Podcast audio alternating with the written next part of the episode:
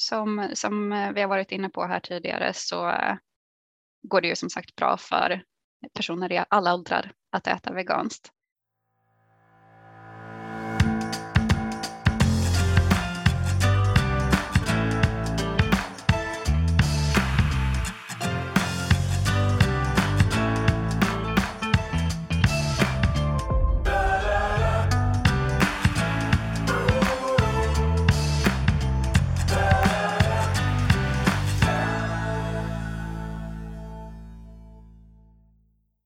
Glöm inte att prenumerera på podden så att du inte missar ett enda avsnitt. Du lyssnar på Djurens Rätts podcast på Djurens Sida. Idag har det blivit dags att djupdyka i ett ämne som väcker känslor, tankar och myter. Vego och näring. Med mig har jag Djurens Rätts egna vegoexpert Matilda Andersson som inte bara är ansvarig för Djurens Rätts inspirationssajt Velvego utan även är legitimerad dietist i grunden. Du som lyssnar har fått möjlighet att skicka in frågor inom ämnet vego och näring via sociala medier och i dagens avsnitt ska vi göra vårt bästa för att besvara så många som möjligt av frågorna som trillat in. Jag som programledare heter Linn Åkesson och är till vardags kommunikationschef hos Djurens Rätt. Välkomna!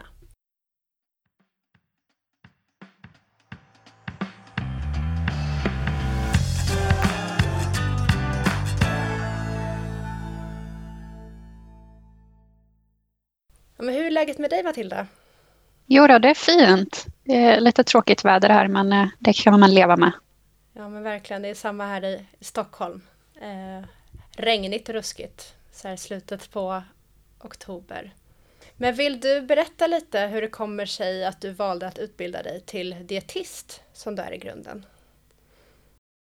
Ja, jag har nog alltid varit ganska fascinerad av vad som är i mat. Eh, som barn satt jag gärna och kollade på innehållsförteckningar och läste näringstabeller och så här på paketen vid frukostbordet.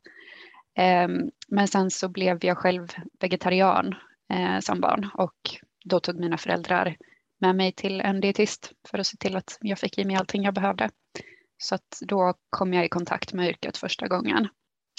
Eh, och sen att jag själv valde att utbilda mig, det tror jag var för att jag hade en lite problematisk relation till mat under tonåren och jag ville lära mig att ta hand om mig själv och min kropp på bästa sätt. Så att då kändes det som, som någonting bra att göra. Är det vanligt att du får frågor om just näring kopplat till vego? Men det händer lite, lite då och då. Dels i jobbet på Djurens Rätt så kan det ju dyka upp den typen av frågor ibland. Men kanske oftare faktiskt i privatlivet när jag träffar nya människor och de får reda på att jag både är dietist och vegan så blir de ofta lite nyfikna så att det, det händer. Mm. Och är det mycket fördomar som, eh, som förekommer då kopplat just till vego? Inte så mycket nu längre skulle jag inte säga. Eh, nu är det mer att folk är nyfikna och gärna vill berätta om att jo, men jag äter också veganskt ibland och eh, det här tycker jag är gott och roligt så det brukar vara ganska peppiga samtal för det mesta. Ja men vad härligt och då känns det ju som att vi är klippt och skuren då för att vara ansvarig för Velvego. Fast det. Eh. ja men låt oss dyka in i frågorna som har trillat in. Ehm, jag börjar med första frågan här då. Eh, vad ska man äta för att inte få näringsbrist? Några tips? Eh, ja, det, det, är en väldigt bred fråga så jag får ge ganska generella tips här tror jag men det är ganska Eh, det, det, är tips som man känner igen. De är ganska lika oavsett om man äter veganskt eller om man äter blandkost. Eh, men det är viktigt att äta varierat och att äta så mycket som möjligt från så många olika livsmedelsgrupper som möjligt för att få i sig en, en bred näringsprofil.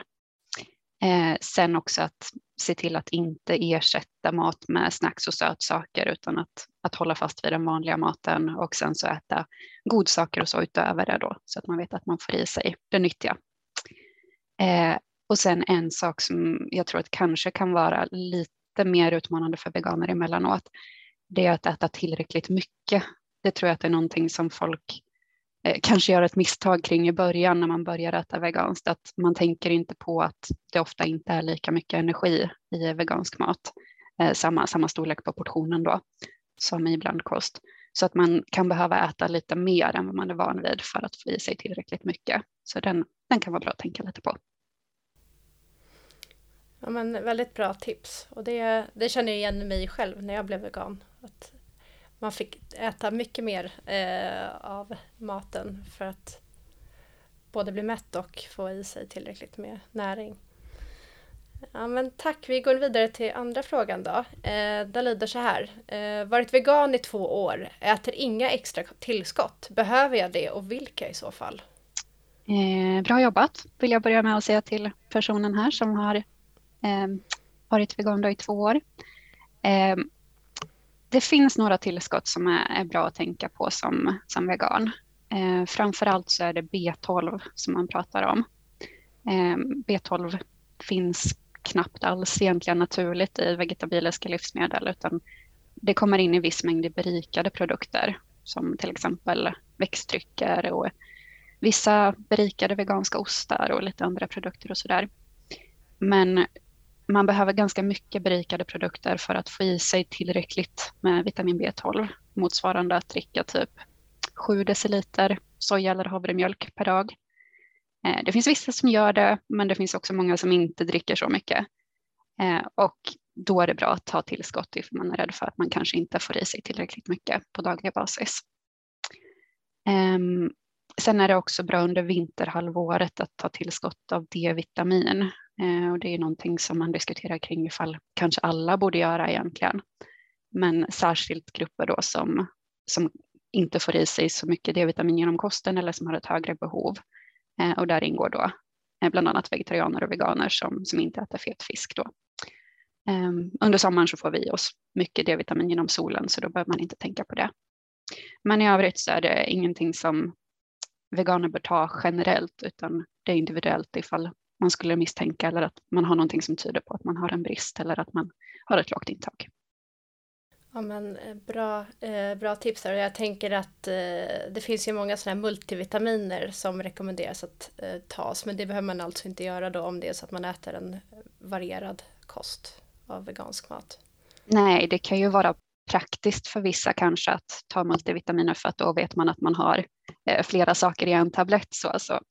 Eh, men sen så finns det ju andra näringsämnen som det kanske inte är bra att, att äta för mycket av. Så ifall man bara vill stötta upp med det där lilla extra, då är det B12 och D-vitamin som man ska tänka på. Ja, men apropå B12 då så har jag också en fråga. Varför är det viktigt att äta B12-tillskott? Eh, eh, ja, B12 behövs ju för, för många olika funktioner i kroppen, framför allt för normal blodbildning. Eh, och ifall man, ifall man inte äter det då så kan man få blodbrist eller så kan man få påverkan på nervsystemet och det det kan vara rätt jobbiga symptom. Så ifall man vet om att man med stor sannolikhet inte får i sig tillräckligt med B12 via kosten, eh, då är det klokt att ta tillskott i förebyggande syfte. Sen så kan B12 lagras i stor utsträckning i kroppen så att de förråden som man har, de räcker ofta i många år innan det skulle vara så att en brist började utvecklas. Eh, och det är också ovanligt med, med brister ifall man ser dem så är det oftast personer som har problem med upptaget, inte att de äter för lite egentligen. Men som sagt, en, en onödig risk att ta, så bäst att alltid se till att man får i sig tillräckligt.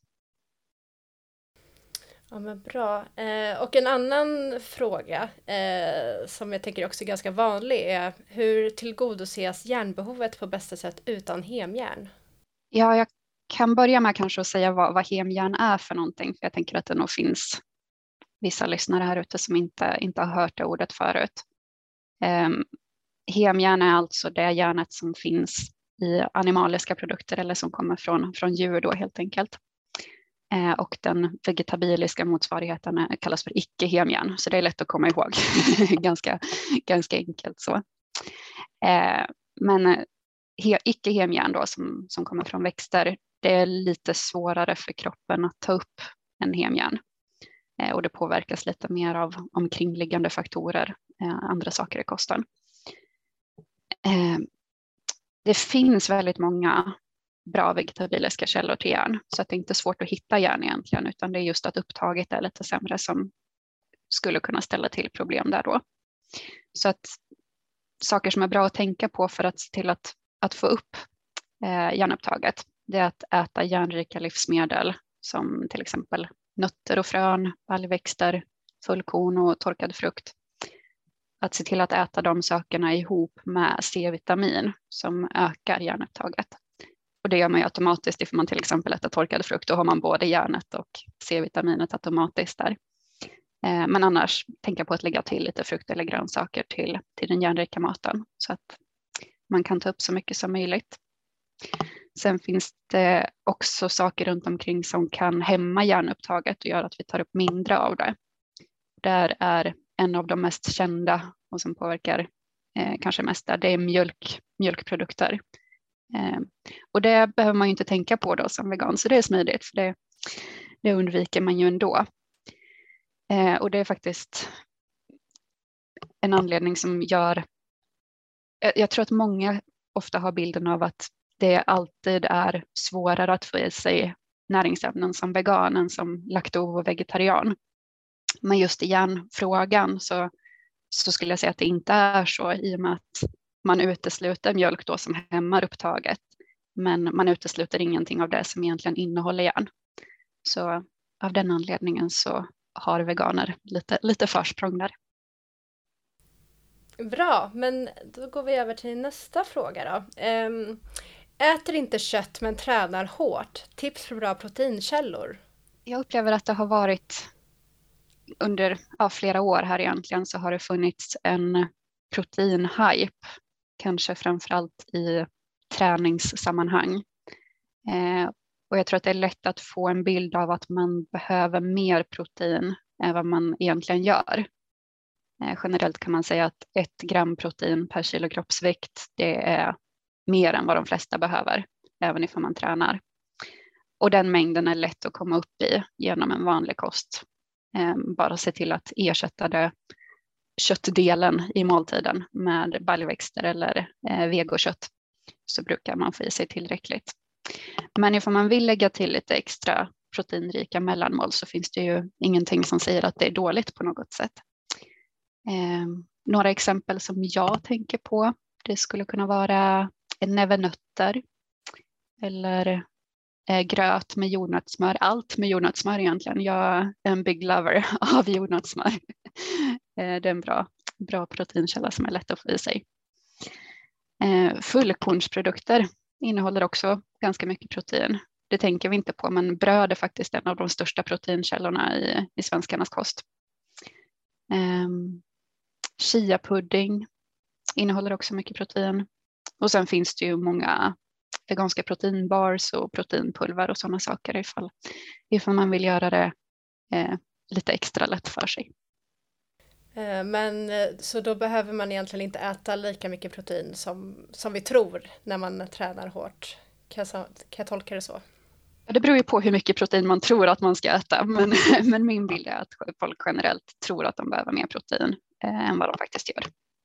Ja men bra och apropå då proteinkällor då, så eh, har jag en fråga också om du har tips på bra proteinkällor utan nötter, baljväxter eller frön? Det är en lite svårare fråga skulle jag säga.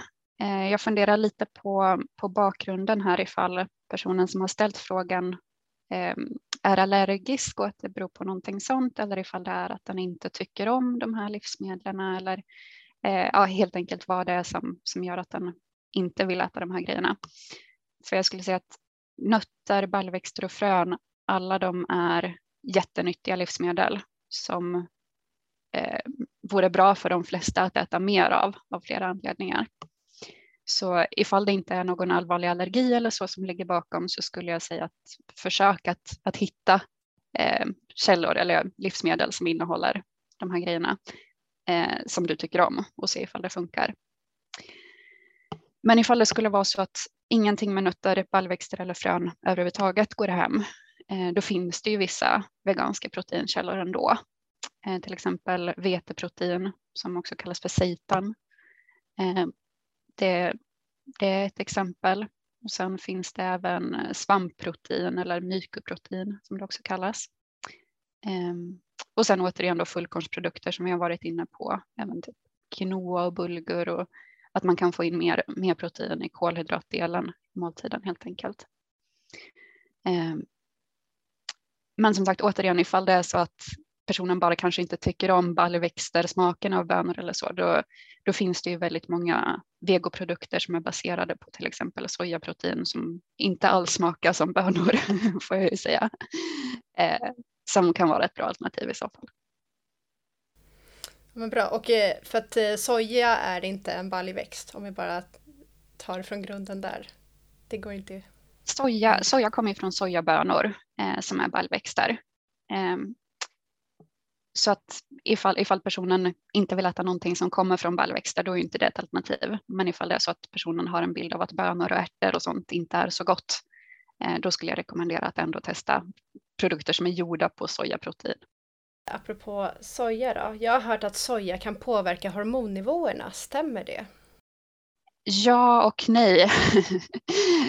det kan påverka hormonnivåerna, ehm, men det gör ju inte det i praktiken. Ehm, soja innehåller någonting som kallas för fytoöstrogen som påminner rent den molekylära strukturen, ifall man ska gå in på sådana fina ord, eh, så påminner det om östrogenet som finns i kroppen. Men det är inte samma sak. Eh, men för att, för att fytoöstrogenerna skulle påverka ehm, den mänskliga kroppen så krävs det väldigt stora mängder.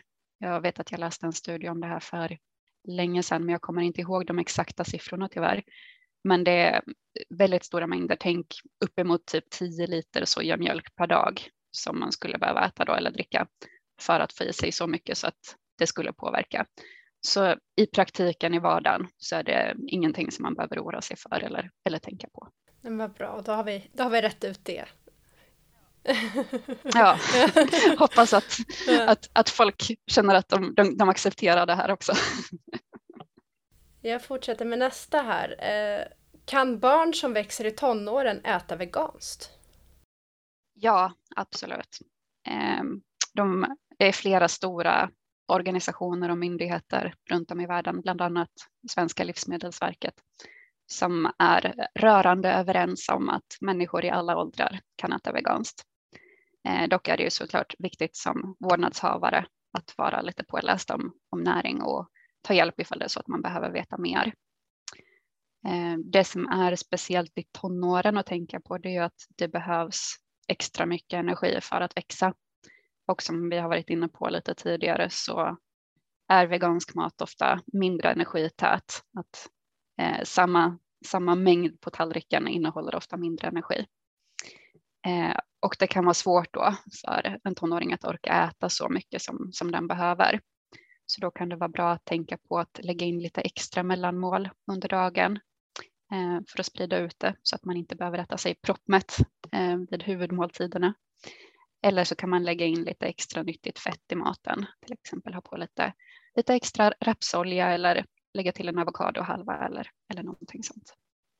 Här har vi en fråga som är lite intressant. Jag hatar svamp och bönor men vill gärna bli vegan. Hur gör jag? Ja, det är ju som, som vi var inne på, på den här frågan tidigare lite om eh, nötter och frön och baljväxter. Att det är väldigt bra att äta, att äta bönor i någon utsträckning. Det är inte så att man måste äta bönor varje dag. Så kanske det var för tio år sedan när det inte fanns lika många produkter. Men nu finns det ju så pass många eh, vegoköttsprodukter att välja istället. Eh, men baljväxter är väldigt nyttigt att äta i sin mer rå, inte rå form ska jag inte säga, men i, i sin hela form också. Så jag skulle rekommendera att kolla upp lite, lite recept och testa lite olika rätter som innehåller bönor och se ifall det finns någonting som man skulle kunna tycka om. Men som sagt, annars finns det ju också väldigt många ersättningsprodukter eh, som smakar mer kanske då som, som kött eh, än som bönor eh, som man kan välja då istället. Svamp skulle jag säga att det är inte någonting som måste ingå i en kost. Så tycker du inte om svamp så är inte det ett problem för dig att bli vegan, utan det, det får du göra som du vill med. Ja, men bra. Eh, ett tips som jag har eh, var med bönor där. Jag vet att det finns ju den här, man kan baka kladdkaka med svarta bönor och det smakar ju inte bönor alls om man vill bara få i. Det är ju inte jättenyttigt med kladdkaka då, men jag tänker det finns ju sätt att få in bönor i, i kosten eh, utan att liksom man måste äta just ja, konsistensen av bönorna absolut. Det går att maskera dem väldigt mycket. Eh, även, ja, det är ju inte lika gott som kladdkaka, det får jag erkänna, men det, finns, eh, det finns ju eh, hemmagjorda bönbiffar och så som man kan göra där man mixar bönorna och smaksätter och kryddar och så där också. Då, då smakar det ju inte så som man tänker att en, en böna i en sallad gör. Eh, så det går absolut. Sen har vi faktiskt, eh, jag tänker också just på att den här personen sa att den, den ville bli vegan, eh, att på velvego.se så har vi våran utmaning Bli vegan på 28 dagar också som man kan skriva upp sig på och få tips på recept och eh, om, om, om, mat och hur man ska tänka där överlag. Eh, så den är den här personen väldigt välkommen att skriva upp sig på också för att få lite hjälp på vägen.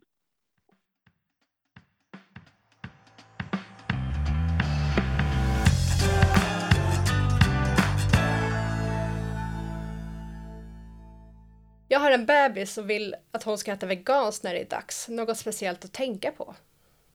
Eh, ja, som, som vi har varit inne på här tidigare så går det ju som sagt bra för personer i alla åldrar att äta veganskt. Eh, och så även för småbarn som introduceras för fast mat. Eh, men det finns några saker som är bra att tänka på. Ehm, mycket går att läsa på Livsmedelsverkets hemsida. Eh, där finns det en sida om barn och vego. Det finns mycket bra tips att ta åt sig. Ehm, det går ofta också att få hjälp via BVC med att komma i kontakt med en dietist ifall man vill det eller att delta i en grupp med andra föräldrar som väljer vego. Ehm, men sen så finns det också några mer generella tips som, som jag kan ge Bland annat så är berikad gröt någonting som är väldigt bra att tänka på att, att ge till det lilla barnet. Eh, den innehåller då B12 och järn bland annat som är näringsämnen som man behöver vara lite extra noggrann med. Eh, och där finns det några olika veganska märken som kan vara bra att kolla upp. Eh, även på förhand då ifall man har de planerna. Ehm, sen är det också som på samma sätt som för tonåringar bra att tänka på energiinnehållet. Eh, småbarn har små magar och orkar inte äta lika stora portioner. Så att det kan vara bra att tillsätta eh, extra rapsolja i, i maten då. Eh, man kan tänka ungefär en matsked per deciliter mat. Det är också bra att tänka på att ge sitt barn konventionell växtdryck som är berikad med D-vitamin, kalcium och B12 bland annat ekologisk växtdryck får faktiskt inte berikas med någonting annat än D-vitamin. Så i det här fallet är det då bra att faktiskt inte välja ekologiskt. Eh, kring baljväxter kan man också tänka att introducera det försiktigt, alltså bönor och linser och kikärtor och sådana saker. Det kan orsaka lite problem i magen. Så att börja smått och sen så öka på mängderna successivt. Eh, och protein vet jag att många funderar kring som vanligt också och det är inte ett problem för barn. Det är inte ett problem för veganer generellt men ännu mindre för barn som har ett relativt lågt proteinbehov. Så där, där behöver man inte oroa sig. Men som sagt, ta, ta gärna kontakt med vårdcentralen och läs på på Livsmedelsverkets hemsida för att få individuellt anpassad hjälp där också. Ja, men väldigt bra tips. Eh, till en liten annan fråga då, som jag tänker också är ganska vanlig. Eh, jag lider av IBS. Kan jag äta vego utan att få kramper i magen? Ja, eh, IBS är ju en, en lite klurig diagnos. Ifall det är någon som lyssnar som inte vet om vad IBS är så är det eh, funktionella problem med mag och tarm som man inte hittar någon tydlig anledning till. Man kan inte säga vad det beror på utan man vet bara att personen har problem med magen. Eh, och ofta så reagerar magen på olika typer av livsmedel men det kan också vara eh, sociala situationer eller psykologiska faktorer som påverkar. Och det är väldigt, väldigt individuellt vad personer med IBS klarar av att äta och inte och i vilka mängder och vid vilka tillfällen. Så det är svårt att säga exakt vad en person kommer kunna äta och inte. Så att man får testa sig fram lite grann där. Men ofta brukar det som sagt vara flera faktorer och när, när många olika saker eh, påverkar samtidigt, då, då, kan det bli svårt för kroppen att hantera. Men eh, generellt kring vegankost så innehåller den ofta lite mer fibrer från eh, grova grönsaker och baljväxter och det kan vara sånt som är svårt för magen att hantera. Sen finns det också saker som är positiva med att äta veganskt ur magperspektiv. Eh, bland annat att det inte innehåller någon laktos eh, och att det ofta är ett lite lägre fettinnehåll och eh, väldigt fet mat kan också uppröra magen. Men det finns några saker som man kan göra för, för att göra det lättare för sig ifall det är så att man börjar äta veganskt och man har IBS. Eh, man kan testa med, med baljväxter och se hur magen klarar av det.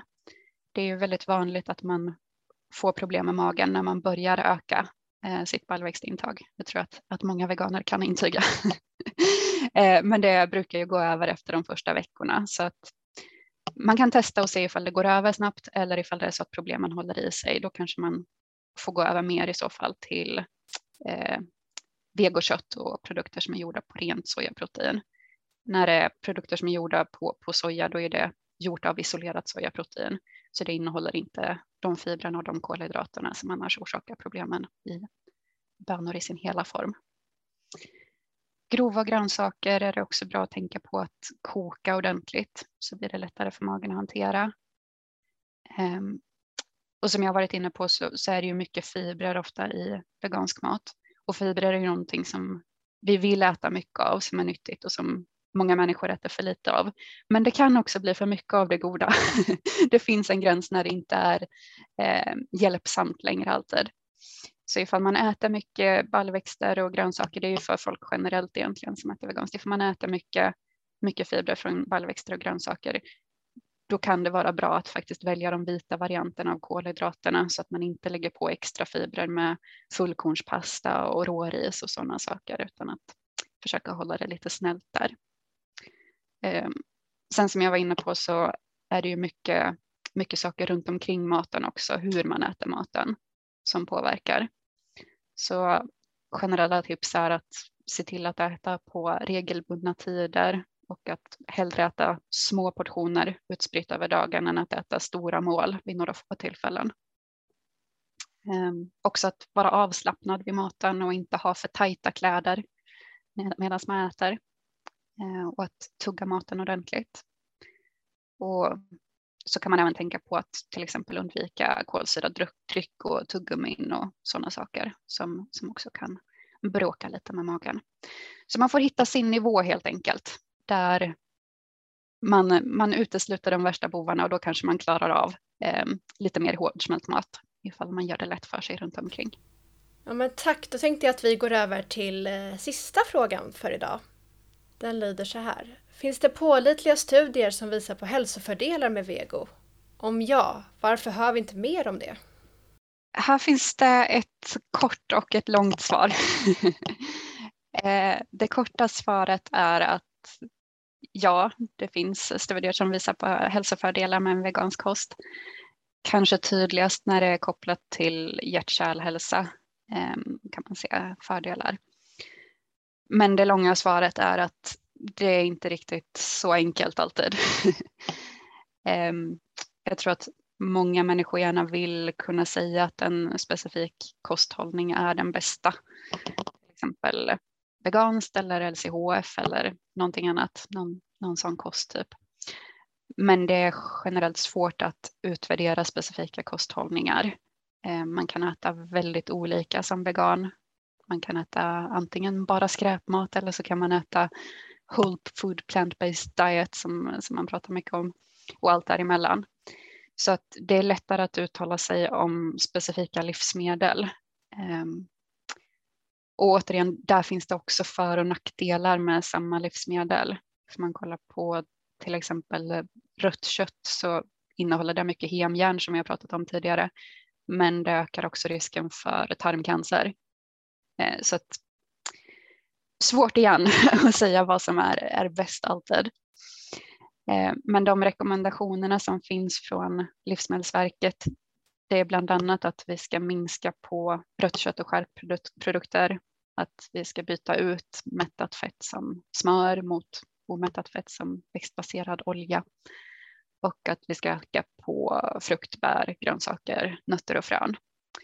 Eh, och det går ju i linje mycket med att äta mer växtbaserat.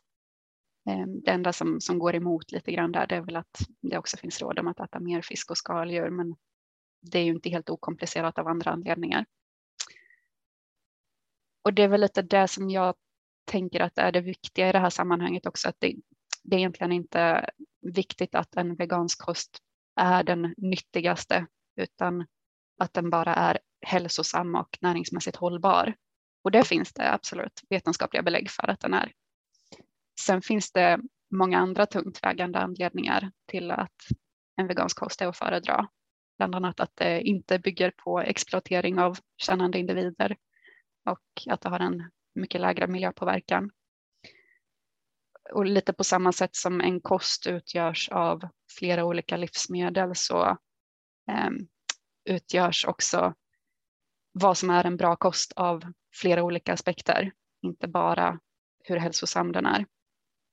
Ehm, och alla de här aspekterna sammantaget så då är vegansk kost någonting som, som de allra flesta borde sträva efter ifall man tänker på att det är hälsosamt, att det är eh, bra för miljön och att det inte utsätter djur för onödigt lidande. Så det är det långa svaret.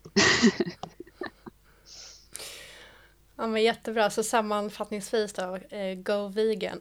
ja, det får vi väl säga. ja men stort tack Matilda för att du var med och redde ut eh, många funderingar idag. Tack själv. Eh, och har du som lyssnat fler funderingar gällande vego och näring så kan du alltid läsa mer på velvego.se eller höra av dig via Velvegos sociala medier. Och vill du ha mer vegoinspiration? Beställ magasinet Velvego på www.velvego.se inspo-magasin. Slutligen vill jag tacka för att du har lyssnat idag och glöm inte att prenumerera på podden så missar du aldrig när ett nytt avsnitt kommer. Tillsammans gör vi skillnad för djuren. Ha det bra, hej då!